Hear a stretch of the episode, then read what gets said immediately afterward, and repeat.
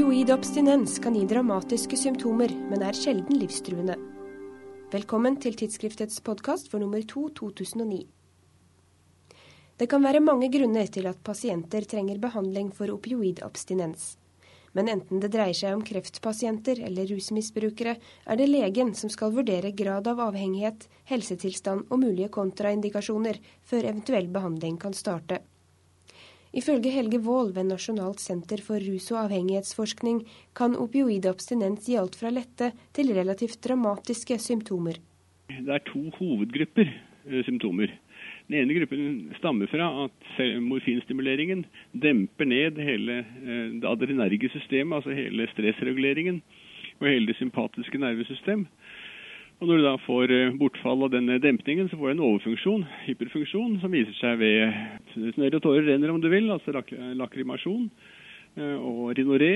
Du får gjerne diaré, du får gjerne kvalme.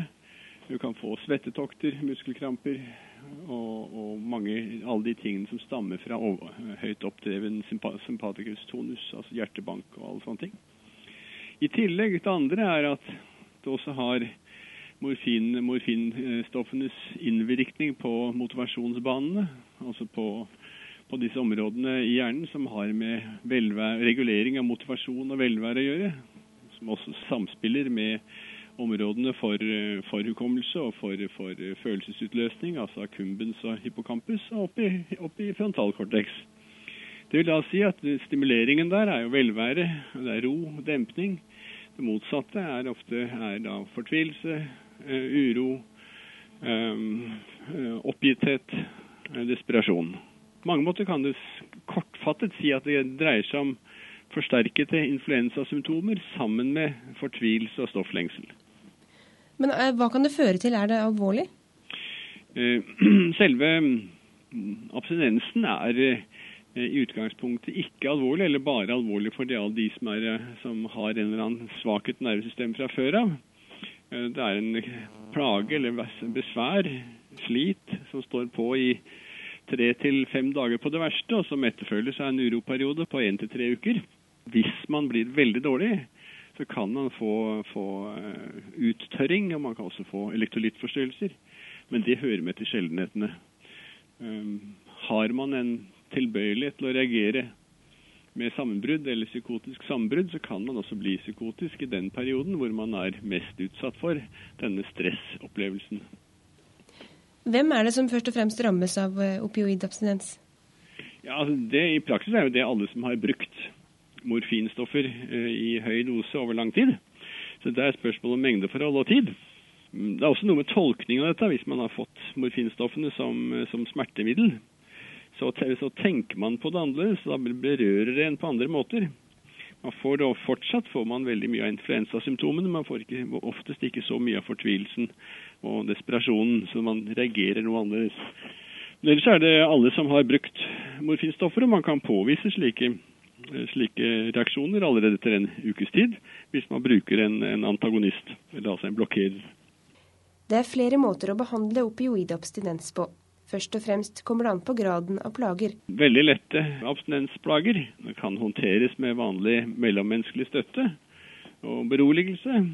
Eh, mange smertepasienter eh, som har hatt som har lette abstinensfenomener, vil tolerere det godt hvis de får møtes med forståelse og, og, og, trøst. Det samme gjelder også yngre mennesker eller andre som har brukt morfinstoffer en, en kortere tid. Men straks det er noe mer omfattende, så bør det behandles medikamentelt. Og de moderate tilstandene kan behandles med, med presynaptiske adrenerge agonister, la oss si med de som demper, demper adrenerge reaksjoner. Eh, sånn som Catapresan f.eks. Sammen med andre lindrende midler, altså alle de midlene som motvirker uro, motvirker diaré. Eh, altså alle mulige symptomatiske midler. Dette er liksom det første trinnet hvis det ikke er for, for kraftig. Men kraftige reaksjoner er det riktig å behandle med såkalt nedtrapping, altså minskende dose av et, av et morfinstoff. Hvor bør denne avvenningen skje? Ja, Igjen så er det nå slik at uh, det kommer an på al alvoret i situasjonen.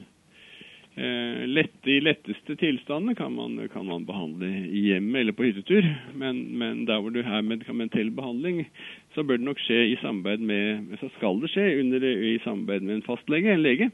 Og det kan skje poliklinisk eller på, gjennom eh, behandling av fastlegen og, og, sammen med ulike former for støtte. Og dette gjøres i stor grad i de fleste land. Eh, men der hvor det er relativt alvorlig eller alvorlige abstinensplager, så er det sikrest og riktigst å behandle dette i institusjon. Hvor man har, eh, har skjermet omgivelser, og hvor ulike reaksjoner kan oppfanges. For disse pasientene er det avgjørende med langvarig oppfølging. For selv om behandlingen er både nødvendig og sikker, har den sine ulemper. Det er fremhevet som en ulempe at så lenge pasienten bruker sitt morfinstoff, så har man en nevroadaptasjon som er en relativ beskyttelse mot f.eks. overdosering.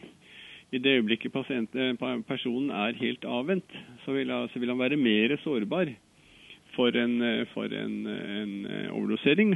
Det vil altså si at alle som har gjennomgått en avvenningsbehandling, eller en behandling med sikte på avvenning, har en periode med forøket fare for overdosering. Helge Wold har sammen med Sharam Shaigani skrevet en artikkel om dette, som du kan lese i tidsskriftet nummer to. Denne podkasten er slutt, men vi høres igjen om to uker.